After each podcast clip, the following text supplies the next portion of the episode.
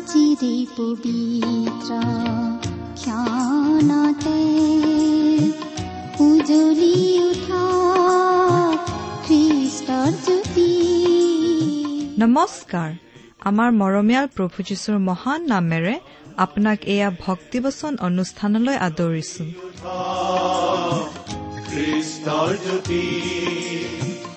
আকাশ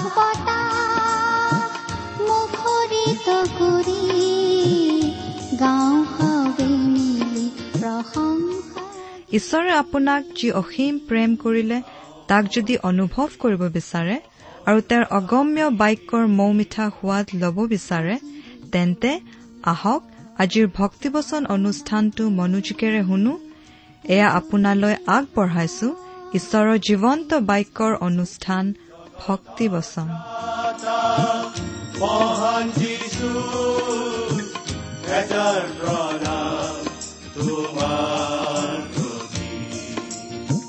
গ্ৰহণ কৰাই ভক্তি বচন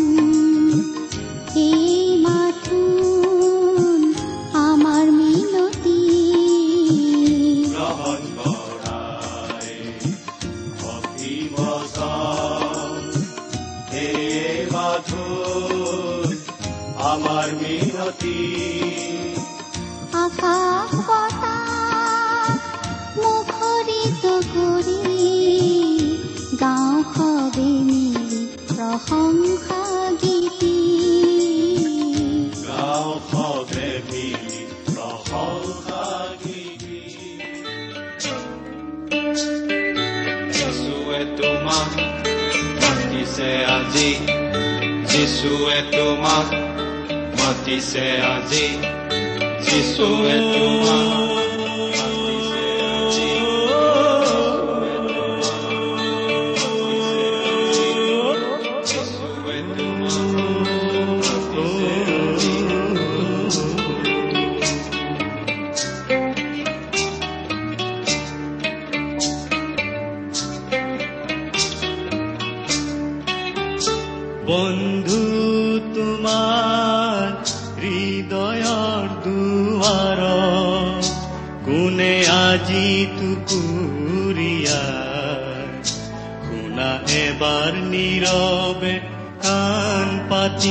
কোনে টুকুৰিয়া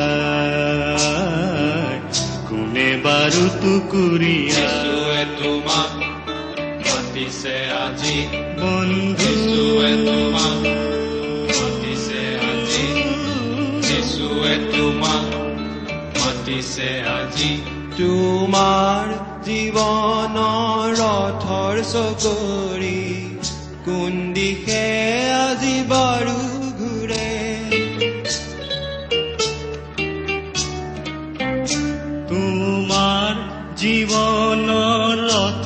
চকৰি কোন দিশে আজি বাৰু ঘূৰে কিহৰ আশাত আৰু কিহৰ মায়াত হৃদয়ে হাহাকাৰ কৰে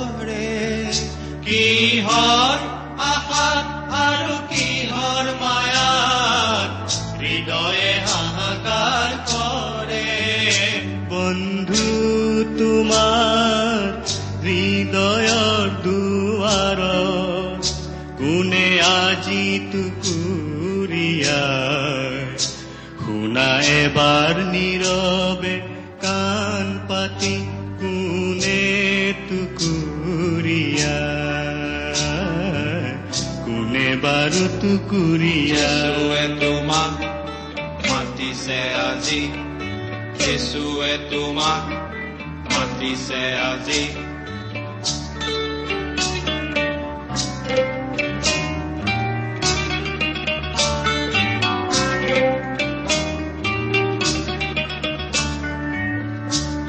বিলাস আৰু ভোগ বিলাসত যদিহে বন্ধু আচামজি লাখ বিলাস আৰু ভোগ বিলাসত যদিহে বন্ধু আচামজি এবাৰ থমকি ৰৈ নীৰৱে শুনা যিচুৱে মাতিছে আজি।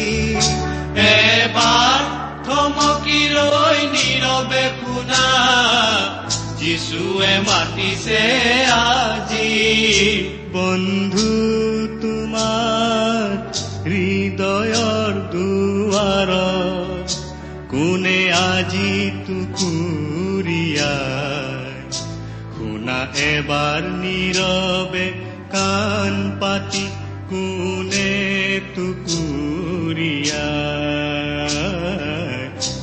বাৰু টুকুৰিয়াই যীশুৱে তোমাক মাতিছে আজি বন্ধু তোমাক আমাৰ পৰম পবিত্ৰ প্ৰভু যীশুখ্ৰীষ্টৰ নামত নমস্কাৰ প্ৰিয় শ্ৰোতা। আশা কৰো আমাৰ পিতা পৰমেশ্বৰৰ মহান অনুগ্ৰহত আপুনি ভালে কুশলে আছে। সেই মহান পিতা পৰমেশ্বৰৰ জীৱন্ত বাক্য বাইবেল শাস্ত্ৰ অধ্যয়নৰ এই অসমীয়া অনুষ্ঠান ভক্তিবচন ইমান দিনে তেওঁ এই সুকলমে চলাই আনিছে। এই অনুষ্ঠান শুনি বহুতো লোক উপকৃত হোৱা বুলিও আমি জানিব পাৰিছো। তেওঁলোকে লিখা চিঠি পত্ৰৰ যোগেদি। প্ৰিয় শ্ৰোতা আপুনি বাৰু চিঠি পত্ৰ লিখি আমাৰে সৈতে তেনেকুৱা সম্পৰ্ক স্থাপন কৰিছেনে? আমাৰ সৈতে পৰিচিত হৈছেনে? আপোনাৰ সৈতে পৰিচিত হ'বলৈ পালে আমি নথৈ আনন্দিত হ'ম। অনুগ্ৰহ কৰি দুষাৰি মান লিখি পঠিয়াবচোন। আপুনি হয়তো আমাৰ ঠিকনাটো জানেই। তথাপি আকৌ এবাৰ কৈ দিছো। ভক্তিবচন টি ডব্লিউ আৰ ইণ্ডিয়া ডাক বাকচ নম্বৰ সাত শূন্য গুৱাহাটী সাত আঠ এক শূন্য শূন্য এক। ভক্তিবচন T W R India postbox number seventy Guwahati seven eight one zero' zero' one. আমাৰ website W W W dot radio' eight eight two dot com. অনুগ্ৰহ কৰি চিঠি লিখিবৰ সময়ত আপোনাৰ সম্পূৰ্ণ নাম আৰু ঠিকনা স্পষ্টকৈ যেন লিখি পঠিয়ায়। বাৰু এতিয়া আমি সদায় কৰি অহাৰ দৰে বাইবেল অধ্যয়নৰ আগে আগে প্ৰাৰ্থনাত খন্তেক মূৰ্ণত কৰোঁ হওক আমি প্ৰাৰ্থনা কৰোঁ। স্বৰ্গত থকা অসীম দয়ালু পিতৃ ঈশ্বৰ তোমাৰ গৌৰৱ মহিমা সকলোতে হওক। তুমি সৰ্বজ্ঞানী সৰ্বব্যাপী সৰ্বশক্তিমান ঈশ্বৰ হৈও আমাৰ নিচিনা অযোগ্য অধাৰ্মিক সাধাৰণ মানুহক যে প্ৰেম কৰা সেই কথা ভাবিলেই আমাৰ আচৰিত লাগে। আমালৈ তোমাৰ যি প্ৰেম সেই প্ৰেম তুমি প্ৰকাশ কৰিলা তোমাৰ একেজাত পুত্ৰ যীশুখ্ৰীষ্টকে আমালৈ দান কৰাৰ দ্বাৰা। তাৰ বাবে তোমাক ধন্যবাদ জনাইছো পিতা। আমি এতিয়া তোমাৰ মহান বাক্য বাইবেল শাস্ত্ৰ অধ্যয়ন কৰিবলৈ আগবাঢ়িছো। তোমাৰ বাক্য তুমিয়েই আমাক বুজাই দিয়া। এই অনুষ্ঠান শুনি থকা প্ৰতিজন শ্ৰোতাৰ জীৱন তুমি আশীৰ্বাদেৰে উপচাই দিয়া। কিয়নো এই প্ৰাৰ্থনা আমাৰ পাপৰ প্ৰাচিত্য কৰিবলৈ ক্ৰুচত নিজৰ বহুমূলীয়া তেজ বোৱাই প্ৰাণ ত্যাগ কৰি কবৰস্থ হৈ তৃতীয় দিনা পুনৰ জি উঠা আৰু এতিয়া স্বৰ্গত আমাৰ হকে নিবেদন কৰি থকা আমাৰ ত্ৰাণকৰ্তা প্ৰভু যীশুখ্ৰীষ্টৰ নামত আগবঢ়াইছো। আমেন।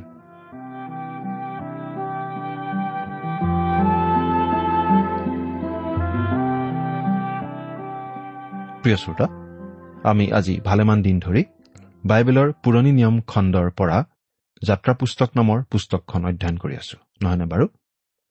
যোৱা অনুষ্ঠানত আমি এই যাত্ৰা পুস্তকৰ দহ নম্বৰ অধ্যায়ৰ পোন্ধৰ নম্বৰ পদলৈকে পঢ়ি আমাৰ আলোচনা আগবঢ়াইছিলো। মুচিয়ে ইছৰাইলৰ লোকবিলাকক মিছৰ দেশৰ পৰা যাবলৈ অনুমতি দিবলৈ মিছৰৰ ৰজা ফৰৌন ৰজাক অনুৰোধ জনাই আহিছিল। কিন্তু ৰজা মান্তি হোৱা নাছিল। তেতিয়া ঈশ্বৰে এটাৰ পাছত এটাকৈ মিছৰ দেশৰ ওপৰলৈ উপদ্ৰৱ নমাই আনিছিল। সেই উপদ্ৰৱবোৰ আহিলে সাময়িকভাৱে ফৰৌন ৰজাৰ মন কোমলিব খোজে আৰু মুচিৰ আগত আপোচৰ প্ৰস্তাৱ ৰাখে। কিন্তু মুচিয়ে নিজৰ মত সলনি নকৰে। ফৰৌন ৰজাৰ আকৌ খং উঠে আৰু ইছৰাইলীয় লোকবিলাকক মিছৰ দেশৰ পৰা যাবলৈ দিবলৈ অমান্তি হয়। আমি দহ নম্বৰ অধ্যায়ৰ পোন্ধৰ নম্বৰ পদলৈকে পঢ়োঁতে পালো যে শেহতীয়াভাৱে ঈশ্বৰে নমাই আনিছিল কাকতি ফৰিঙৰ উপদ্ৰৱ। পূব দেশৰ পৰা জাকে জাকে কাকতি ফৰিং আহি গোটেই মিছৰ দেশ চানি পেলালে আৰু সকলো সেউজীয়া গছ গছনি খাই তহিলং কৰিলে। আজি আমি দহ নম্বৰ অধ্যায়ৰ ষোল্ল নম্বৰ পদটোৰ পৰা চাব খুজিছো। বাইবেলৰ পৰা পাঠ কৰি দিম। লগত যদি বাইবেল আছে চাই যাব। নাথাকিলে অনুগ্ৰহ কৰি মন দি শুনিব। যাত্ৰা পুস্তক দহ নম্বৰ অধ্যায় ষোল্ল নম্বৰ পদ। তেতিয়া ফৰৌনে মচি আৰু হাৰুণক বেগাই মতাই নি কলে মই তোমালোকৰ ঈশ্বৰ জিহুৱাৰ বিৰুদ্ধে আৰু তোমালোকৰ বিৰুদ্ধেও পাপ কৰিলো। এয়া পোন প্ৰথমবাৰৰ বাবে ফৰুণ ৰজাই পাপ বা দুখৰ কথা স্বীকাৰ কৰা যেন আমি দেখিছো। সোতৰৰ পৰা বিশ নম্বৰ পদ। এতেকে বিনয় কৰো কেৱল এইবাৰ মোৰ পাপ ক্ষমা কৰা।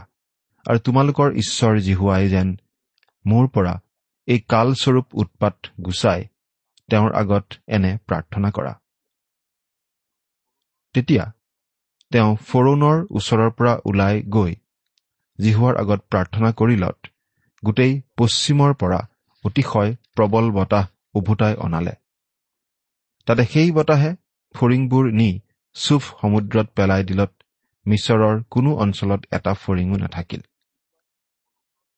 কিন্তু জিহুৱাই ফৰৌনৰ মন কঠিন কৰিলত তেওঁ ইছৰাইলৰ সন্তানবিলাকক এৰি নিদিলে।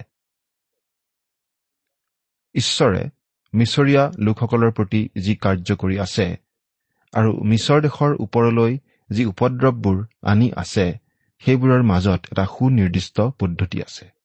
এটা সুনিৰ্দিষ্ট ধাৰা আছে। প্ৰথম উপদ্ৰৱবোৰ আছিল মিছৰ দেশত থকা বিভিন্ন দেৱ দেৱী আদিৰ বিৰুদ্ধে। কিন্তু এতিয়া ঈশ্বৰে যিবোৰ উপদ্ৰৱ আনিব ধৰিছে সেইবোৰে মানুহবোৰৰ কাৰণে সমস্যাৰ সৃষ্টি কৰিব ধৰিছিল। মানুহ জীয়াই থকাই টান হৈ পৰিব ধৰিছিল। কাকতি ফৰিঙৰ উপদ্ৰৱ অহাৰ ফলত খোৱা বস্তুৰ প্ৰবল নাটনি হোৱাই স্বাভাৱিক আৰু মানুহবোৰে ফৰুণ ৰজাক এই বিষয়ে সকিয়নি দিব লগা হৈছিল। গতিকে সাময়িকভাৱে ফৰুণ ৰজাই অনুতাপ কৰিব লগা হৈছিল। তেতিয়া ঈশ্বৰে সেই উপদ্ৰৱৰ সাম কটাইছিল। কিন্তু উপদ্ৰৱ আঁতৰি যোৱাৰ লগে লগে ফৰুণ ৰজাই আকৌ নিজৰ মন পৰিৱৰ্তন কৰিছিল আৰু আকৌ আগৰ মতলৈকে উভতি গৈছিল। ঈশ্বৰে ফৰুণ ৰজাক জোৰ কৰি বাধ্য কৰাব ইছৰাইলৰ লোকবিলাকক যাবলৈ এৰি দিবলৈ। পাঠ কৰি দিম একৈশ পদৰ পৰা তেইছ নম্বৰ পদলৈকে। পাছে জিহুৱাই মুচিক কলে মিছৰ দেশত আন্ধাৰ হবৰ নিমিত্তে তুমি আকাশৰ ফাললৈ হাত মেলা। সেই আন্ধাৰ এনে দুৰ্ঘুৰ হ'ব যে তাক স্পৰ্শ কৰিব পৰা হ'ব। তেতিয়া মুচিয়ে আকাশৰ ফাললৈ হাত মেলিলত তিনিদিনলৈকে মিছৰ দেশৰ গোটেইখনতে ঘূৰ আন্ধাৰ হল। কোনোৱে কাকো দেখা পাব নোৱাৰিলে আৰু তিনিদিনলৈকে কোনেও নিজ ঠাইৰ পৰা নুঠিলে। কিন্তু ইছৰাইলৰ সন্তানবিলাকৰ নিমিত্তে সেইবিলাকৰ থকা ঠাইত পোহৰ আছিল। আপুনি বাৰু কেতিয়াবা এনেকুৱা ঠাইলৈ গৈছেনে য'ত আপুনি অন্ধকাৰ অনুভৱ কৰিব পাৰে অন্ধকাৰ হাতেৰে যেন স্পৰ্শ কৰিব পাৰে? তেনেকুৱা গভীৰ অন্ধকাৰ অতি ভয় লগা ঠিক তেনেকুৱা অন্ধকাৰ নামি আহিছিল মিছৰ দেশৰ ওপৰলৈ। সেয়া আছিল মিছৰৰ দেৱতা সূৰ্য দেৱতা ৰাৰ বিৰুদ্ধে ঈশ্বৰৰ অভিশাপ। দিন দুপৰতে মিছৰ দেশ অন্ধকাৰে চানি ধৰিছিল। তেওঁলোকে উপাসনা কৰা মুখ্য দেৱতা ৰাৰ বিৰুদ্ধে এনেদৰে ঈশ্বৰে আঘাত সানিছিল মিছৰীয়াবিলাকে প্ৰায় সকলোতে সূৰ্যৰ চিন ব্যৱহাৰ কৰিছিল। সেয়া আছিল তেওঁলোকৰ দেৱতা ৰাৰ প্ৰতি বিশেষ ভক্তিৰ চিন। অন্ধকাৰৰ উপদ্ৰৱে আচলতে তেওঁলোকৰ দেৱতা ৰাৰ অসহায় অৱস্থাটোহে বুজাইছিল। এই অন্ধকাৰ অৱস্থাটো ঈশ্বৰে কৰা এটা অলৌকিক কাৰ্য আছিল আৰু বাধ্য হৈ ভৰুণ ৰজাই আন এটা আপোচৰ প্ৰস্তাৱ আনিছিল। চৌবিশ নম্বৰ পদ। ইয়াত লিখা আছে। তেতিয়া ফৰৌন ৰজাই মচিক মতাই নি কলে তোমালোক যোৱা জিহুৱাৰ সেৱা কৰাগৈ। কেৱল তোমালোকৰ ভেড়া ছাগ আৰু গৰুৰ জাকবোৰ থাকক। তোমালোকৰ ল'ৰা তিৰোতাবিলাকো লগত যাওক। ফৰুণ ৰজাৰ এই আপোচৰ প্ৰস্তাৱটো মুচিয়ে মানি ল'ব যেন আমি ভাবো। ফৰৌনে লাহে লাহে এধাপ এধাপকৈ তললৈ নামি আহি আছিল। গতিকে এই প্ৰস্তাৱটো মুচিৰ কাৰণে গ্ৰহণযোগ্য হ'ব বুলি আমি বহুতে ভাবিব পাৰোঁ। ইয়াতো আমাৰ কাৰণে বিশেষভাৱে শিকিবলগীয়া কথা আছে। ঈশ্বৰে ইছৰাইলীয় লোকবিলাকক সকলো বয় বস্তু লৈ মিছৰ দেশ ত্যাগ কৰি ওলাই আহিবলৈ কৈছিল। সন্তানবোৰক মিছৰৰ পঢ়াশালীত শিক্ষা লাভ কৰিবৰ কাৰণে এৰি থৈ যাব নোৱাৰিব। আমাৰ ল'ৰা ছোৱালীবোৰৰ সকলো শক্তি যদি জগতৰ শিক্ষা দীক্ষা লোৱাত আৰু জাগতিকভাৱে সফল হোৱাতেই ব্যয় কৰিবলৈ দিওঁ তেনেহলে তেওঁবিলাক জগতৰ সৈতে মিলি গলে আমি দুখ কৰাৰ পৰা কি লাভ? এগৰাকী মহিলাই কৈছিল যে তেওঁলোকৰ সন্তান খুব ভাল স্কুল এখনত পঢ়িবলৈ গৈছে খুব উন্নতি কৰিছে। কিন্তু সন্তানজনে যে খ্ৰীষ্টীয় বিশ্বাসত খহি পৰিছে সেই কথা তেওঁ কবলৈ পাহৰি গৈছিল। সেই সন্তানজনে পাছত খুব ভাল চাকৰি পালে আৰু মাজে মাজে বাতৰি কাকতত নাম ওলাই থাকে। কিন্তু এদিন মহিলাগৰাকীয়ে চকুলো টুকি টুকি পালকৰ আগত কৈছিল যে তেওঁৰ সন্তানজনে সকলো ধৰণৰ পবিত্ৰতালৈ পিঠি দিছে ঈশ্বৰৰ প্ৰতি পিঠি দি আঁতৰি গৈছে। কিন্তু তেতিয়া বহু দেৰি হৈ গৈছিল। জগতৰ প্ৰলোভনে ক'ব নোৱাৰাকৈয়ে আমাক বিপথে লৈ গৈ থাকিব পাৰে। আজি বহুতো খ্ৰীষ্টীয় বিশ্বাসীয়ে তেওঁলোকৰ ঘৰচীয়া জীৱ জন্তু আদি মিছৰত এৰি থৈ যায়। মিছৰ দেশখনে জাগতিকতাক প্ৰতিনিধিত্ব কৰে। বহুতো খ্ৰীষ্টিয়ানে মণ্ডলীত বিশ্বাসী হিচাপে কাম কৰে। পালকক ধন বৃদ্ধি সহায় কৰে। ঈশ্বৰৰ পৰিচৰ্যালৈ ধন আগবঢ়ায়। কিন্তু তেওঁলোকে ব্যৱসায় কৰে মিছৰত। তেওঁলোকে জীৱনত সদায় আগস্থান দিয়ে মিছৰত থকা তেওঁলোকৰ জীৱ জন্তু আদিৰ জাকটোকহে যদি তেওঁলোকে মাত্ৰ এটা বিষয় বাছি ল'বলগীয়া হয় তেন্তে নিশ্চয় ঈশ্বৰক পিঠি দি মিছৰত থকা তেওঁলোকৰ পশুৰ জাকটোলৈকেহে ঢাপলি মেলিব। বহুতো খ্ৰীষ্টিয়ানে কয় মই দেওবাৰৰ দিনাখন ঈশ্বৰৰ সেৱা উপাসনা কৰো কিন্তু সপ্তাহৰ বাকী দিনকেইটাত উপায় নাই। দুৰ্নীতিৰে ভৰা জগতখনত ব্যৱসায় কৰো। এনেকুৱা বহুতো তথাকথিত খ্ৰীষ্টিয়ানে এনেকুৱা জীৱন কটায় যে তেওঁলোকক জগতৰ আন মানুহৰ পৰা বেলেগ বুলি ক'ব নোৱাৰি। আমি বিশ্বাস কৰো যেতিয়া প্ৰভু যীশু আহি এই পৃথিৱীৰ পৰা খ্ৰীষ্টীয় বিশ্বাসীবোৰক উঠাই লৈ যাব তেতিয়া বহুতো খ্ৰীষ্টিয়ানৰ অন্তৰে কান্দিব কাৰণ তেওঁলোকৰ ধন সম্পত্তি এই জগতত থাকিব। তেওঁলোকক জগতৰ ধন সম্পত্তি আদিৰ পৰা পৃথক কৰা হ'ব।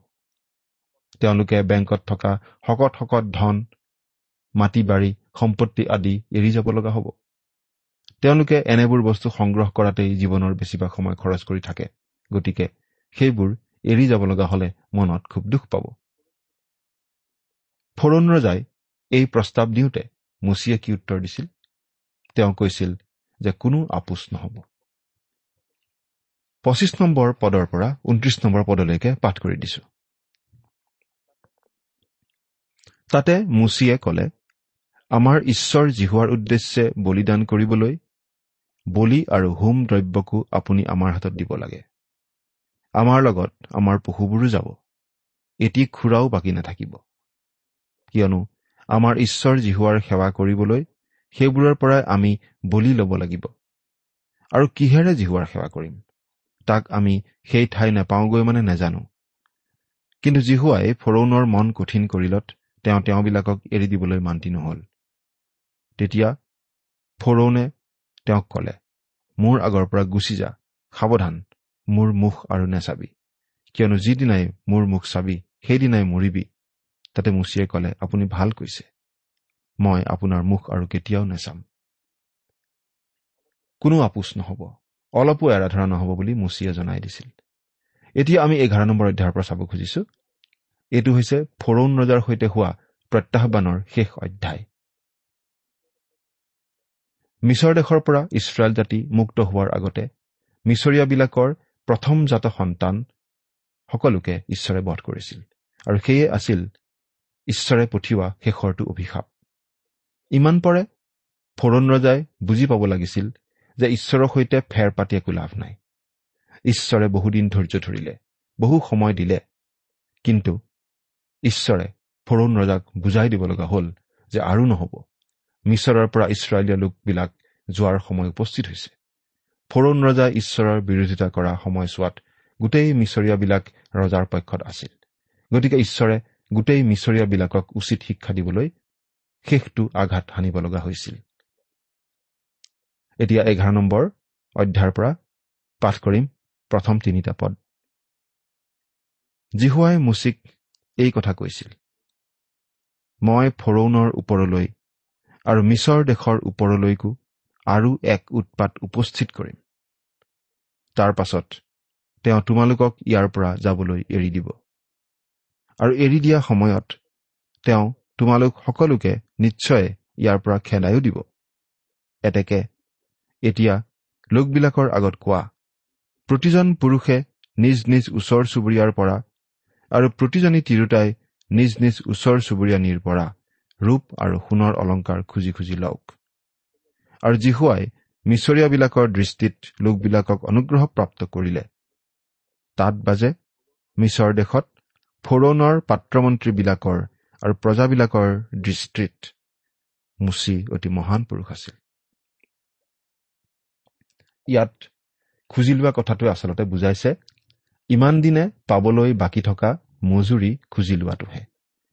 ইছৰাইলীয় লোকবিলাকে ইমান দিন ধৰি মিছৰীয়াবিলাকৰ দাস হিচাপে কাম কৰি আহিছিল। আৰু সেই কামৰ বিনিময়ত তেওঁলোকে একো মজুৰি পোৱা নাছিল। এতিয়া তেওঁলোকে সেই মজুৰি পাব। তেওঁলোকে চুবুৰীয়া লোকবিলাকৰ ওচৰলৈ গৈ ইমান দিনে পাবলগীয়া মজুৰি খুজি ল'ব। ঈশ্বৰে ইছৰাইলীয়া লোকবিলাকৰ প্ৰতি মিছৰীয়া লোকবিলাকৰ অন্তৰ অলপ কোমলালে আৰু তেওঁলোকে ইছৰাইলীয়া লোকবিলাকক পাবলগীয়া ধনবিধ আদি দিলে। এতিয়া আমি চাৰি নম্বৰ পদৰ পৰা দহ নম্বৰ পদলৈকে পাঠ কৰি দিছো। মুচিয়ে কলে জিহুৱাই এইদৰে কৈছে মই ৰাতি মাজ নিশামানত মিছৰৰ ভিতৰলৈ যাম। তাতে সিংহাসনত বহা ফৰৌনৰ জ্যেষ্ঠ পুত্ৰৰ পৰা জাত ঘৰুৱা বেটীৰ বৰ পুতেকলৈকে মিছৰ দেশত থকা সকলো প্ৰথমে জন্মাবিলাক আৰু পশুবোৰৰো সকলো প্ৰথমে জগাবোৰ মৰিব। তাতে যেনে ক্ৰদন কেতিয়াও হোৱা নাই আৰু নহব গোটেই মিছৰ দেশত এনে মহাক্ৰদন হ'ব। কিন্তু জিহুৱাই যে মিছৰীয়াবিলাকৰ আৰু ইছৰাইলীয়াবিলাকৰ মাজত প্ৰভেদ কৰে ইয়াক যেন তোমালোকে জানিব পাৰিবা। এই নিমিত্তে ইছৰাইলৰ সন্তানবিলাকৰ মানুহ হওক বা পশুৱেই হওক সিবিলাকৰ অহিতে এটা কুকুৰেও নিজ জীৱা নলৰাব। তাতে তোমাৰ এই পাত্ৰমন্ত্ৰীবিলাকে মোৰ ওচৰলৈ নামি যাব আৰু মোৰ আগত প্ৰণিপাত কৰি কব আপুনি আৰু আপোনাৰ অনুগামী লোকবিলাক ওলাই যাওক। তেতিয়া মই ওলাই যাম। এইবুলি তেওঁ বৰ ক্ৰোধেৰে ফৰৌনৰ ওচৰৰ পৰা ওলাই আহিল।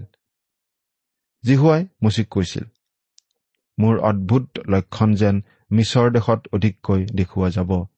এই নিমিত্তে ফৰৌনে তোমাৰ কথা নুশুনিব। মুচি আৰু হাৰুণে ফৰৌনৰ সাক্ষাতে সেই সকলো অদ্ভুত লক্ষণ দেখুৱাইছিল। কিন্তু জিহুৱাই ফৰৌনৰ মন কঠিন কৰিলত তেওঁ নিজ দেশৰ পৰা ইছৰাইলৰ সন্তানবিলাকক যাবলৈ এৰি নিদিলে। আমি এটা কথা প্ৰথমতে মনত পেলাই লোৱা ভাল হ'ব যে মিছৰীয়া মানুহবিলাকৰ মানুহ আৰু জন্তু সকলোৰে প্ৰথমে জন্মাটো মিছৰীয়াবিলাকৰ দেৱ দেৱীৰ প্ৰতি উৎসৰ্গিত কৰিব লাগিছিল। তেওঁলোকৰ প্ৰথম সন্তানবিলাক তেওঁবিলাকৰ দেৱ দেৱীৰ উদ্দেশ্যে উৎসৰ্গা কৰিছিল। আৰু তেওঁলোকৰ পোহনীয়া জীৱ জন্তু আদিৰ প্ৰথমে জগা সেই পোৱালীবোৰো দেৱ দেৱীৰ উদ্দেশ্যে উৎসৰ্গা কৰিব তেওঁলোকে লাগিছিল। অৰ্থাৎ ইয়াৰ পৰা এই কথাটো আমি ক'ব পাৰোঁ যে প্ৰথমজাত সন্তান আৰু প্ৰথমে জগা জন্তু সকলোবোৰৰ গৰাকী আছিল মিছৰ দেশৰ সেই বিভিন্ন দেৱ দেৱীবিলাক কিন্তু এতিয়া ঈশ্বৰে যিটো উপদ্ৰৱ আনিব ধৰিছে সেই উপদ্ৰৱটোৰ যোগেদি ঈশ্বৰে মিছৰীয়া দেৱ দেৱীবোৰৰ হাতৰ পৰা সেই প্ৰথম ফলবোৰ কাঢ়ি নিবলৈ আগবাঢ়িছে। মিছৰীয়া লোকবোৰৰ সন্তান আৰু ইছৰাইলীয়া লোকবোৰৰ সন্তানৰ মাজত যে এটা ডাঙৰ পাৰ্থক্য আছে সেই কথাটো ঈশ্বৰে এতিয়া সকলোকে দেখুৱাই দিব। সেই যে ডাঙৰ পাৰ্থক্যটো আছে সেই পাৰ্থক্যটোনো কি? সেই পাৰ্থক্যটো গোচন আৰু মিছৰৰ মাজেৰে পাৰ হৈ যোৱা সেই মৃত্যুৰ স্বৰ্গদূতত নাছিল। কাৰণ স্বৰ্গদূত একেজনে আছিল। এটা জাতি যিহুদী আৰু আনটো জাতি পৰজাতি। সেই পাৰ্থক্যটো সেই জাতিগত পাৰ্থক্যটোও নহয়। কিন্তু পাৰ্থক্যটো কি জানেনে প্ৰিয় শ্ৰোতা? সেই পাৰ্থক্যটো আছিল দুৱাৰ মুখত দুৱাৰৰ কাঠত লগাই থোৱা তেজত। বলি হিচাপে আগবঢ়োৱা মেৰ পোৱালীৰ তেজত। যিবোৰ ঘৰে সেই বলিৰ তেজ বিশ্বাস কৰি নিজৰ নিজৰ দুৱাৰমুখত লগাই। যিবোৰ ঘৰে তেনেদৰে বলিৰ তেজ লগাই ঈশ্বৰে আগবঢ়োৱা প্ৰতিৰক্ষা গ্ৰহণ কৰে সেই ঘৰবোৰত মৃত্যুদূত নোসোমায়। আৰু এয়েই আছিল সেই ইছৰাইলীয় লোকবিলাকৰ সৰ্বপ্ৰাচীন ধৰ্মীয় উৎসৱৰ আৰম্ভণি। আৰু সেই ধৰ্মীয় উৎসৱটোৱে হৈছে নিষ্ঠাৰ পৰ্ব। সেয়ে আছিল প্ৰথম নিষ্ঠাৰ পৰ্ব। আৰু এই নিষ্ঠাৰ পৰ্বই সেই পুৰণি নিয়মৰ দিনত আমাৰ পৰিত্ৰতা প্ৰভু যীশুখ্ৰীষ্টক অতি পৰিষ্কাৰভাৱে চিত্ৰিত কৰে। প্ৰিয় শ্ৰোতা আজি ঈশ্বৰে আন লোকসকলতকৈ খ্ৰীষ্টীয় বিশ্বাসী লোকসকলক পৃথক কৰে। কাৰণ খ্ৰীষ্টীয় বিশ্বাসী লোকসকলে প্ৰভু যীশুখ্ৰীষ্টৰ তেজত আশ্ৰয় লৈছে। আজি আমাৰ বাবে প্ৰভু যীশুখ্ৰীষ্টই হৈছে সেই নিষ্ঠাৰ পৰ্বৰ বলি। তেওঁ আমাৰ বাবে বলি হ'ল আজিৰ পৰা প্ৰায় দুহেজাৰ বছৰ আগতে ক্ৰুচৰ ওপৰত। ক্ৰুচৰ ওপৰত তেওঁ আমাৰ সকলোৰে পাপৰ ভাৰ গা পাতি লৈ তেওঁৰ পবিত্ৰ তেজ বোৱালে। তেওঁ আমাৰ শাস্তি নিজৰ গাত ললে। তেওঁৰ তেজৰ তলত আজি আমি আশ্ৰয় ললে অনন্ত মৃত্যুৰ পৰা নিস্তাৰ লাভ কৰিম। আমি লাভ কৰিম অনন্ত জীৱন। স্বৰ্গত। সেই মহান প্ৰভু যীশুখ্ৰীষ্টক আপুনি বাৰু আপোনাৰ ত্ৰাণকৰ্তা বুলি গ্ৰহণ কৰি পৰিত্ৰাণ গ্ৰহণ কৰিছেনে? এই প্ৰশ্ন ঈশ্বৰে আজি আপোনাক সুধি আছে। ইয়াৰ উত্তৰত আপুনি কি ক'ব? চিন্তা কৰি চাওকচোন। ঈশ্বৰে আপোনাক আশীৰ্বাদ কৰক। আমেন।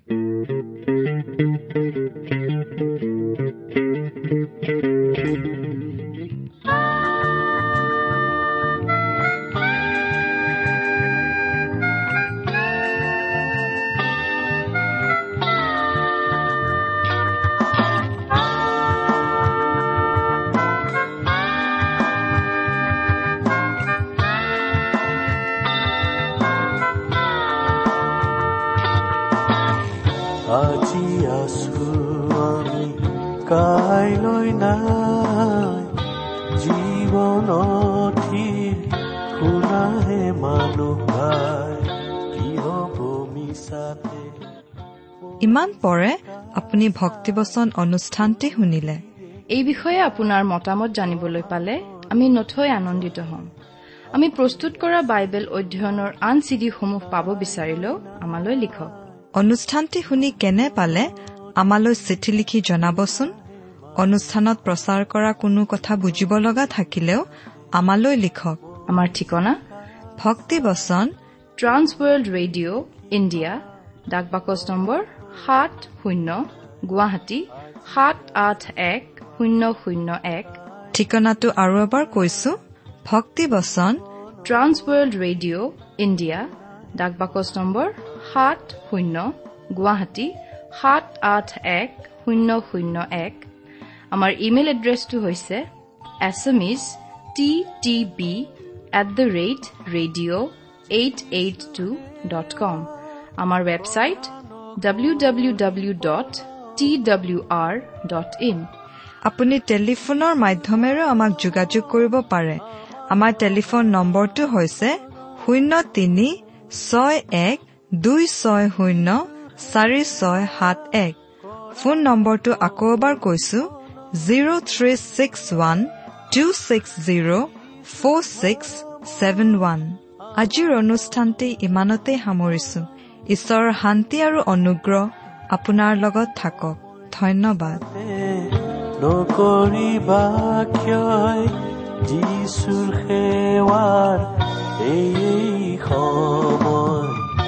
আজি আছো আমি কাইলৈ নাই। জীৱনথি শুনাহে কি হ'ব মিছাতে? পৰিচিকা চাই গধূলি দেখিবা প্ৰভাত পৰহি যায়।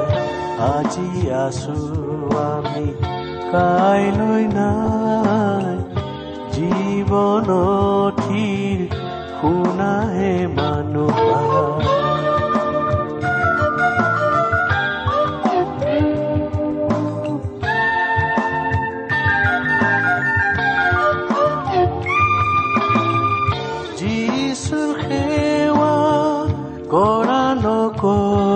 কৰা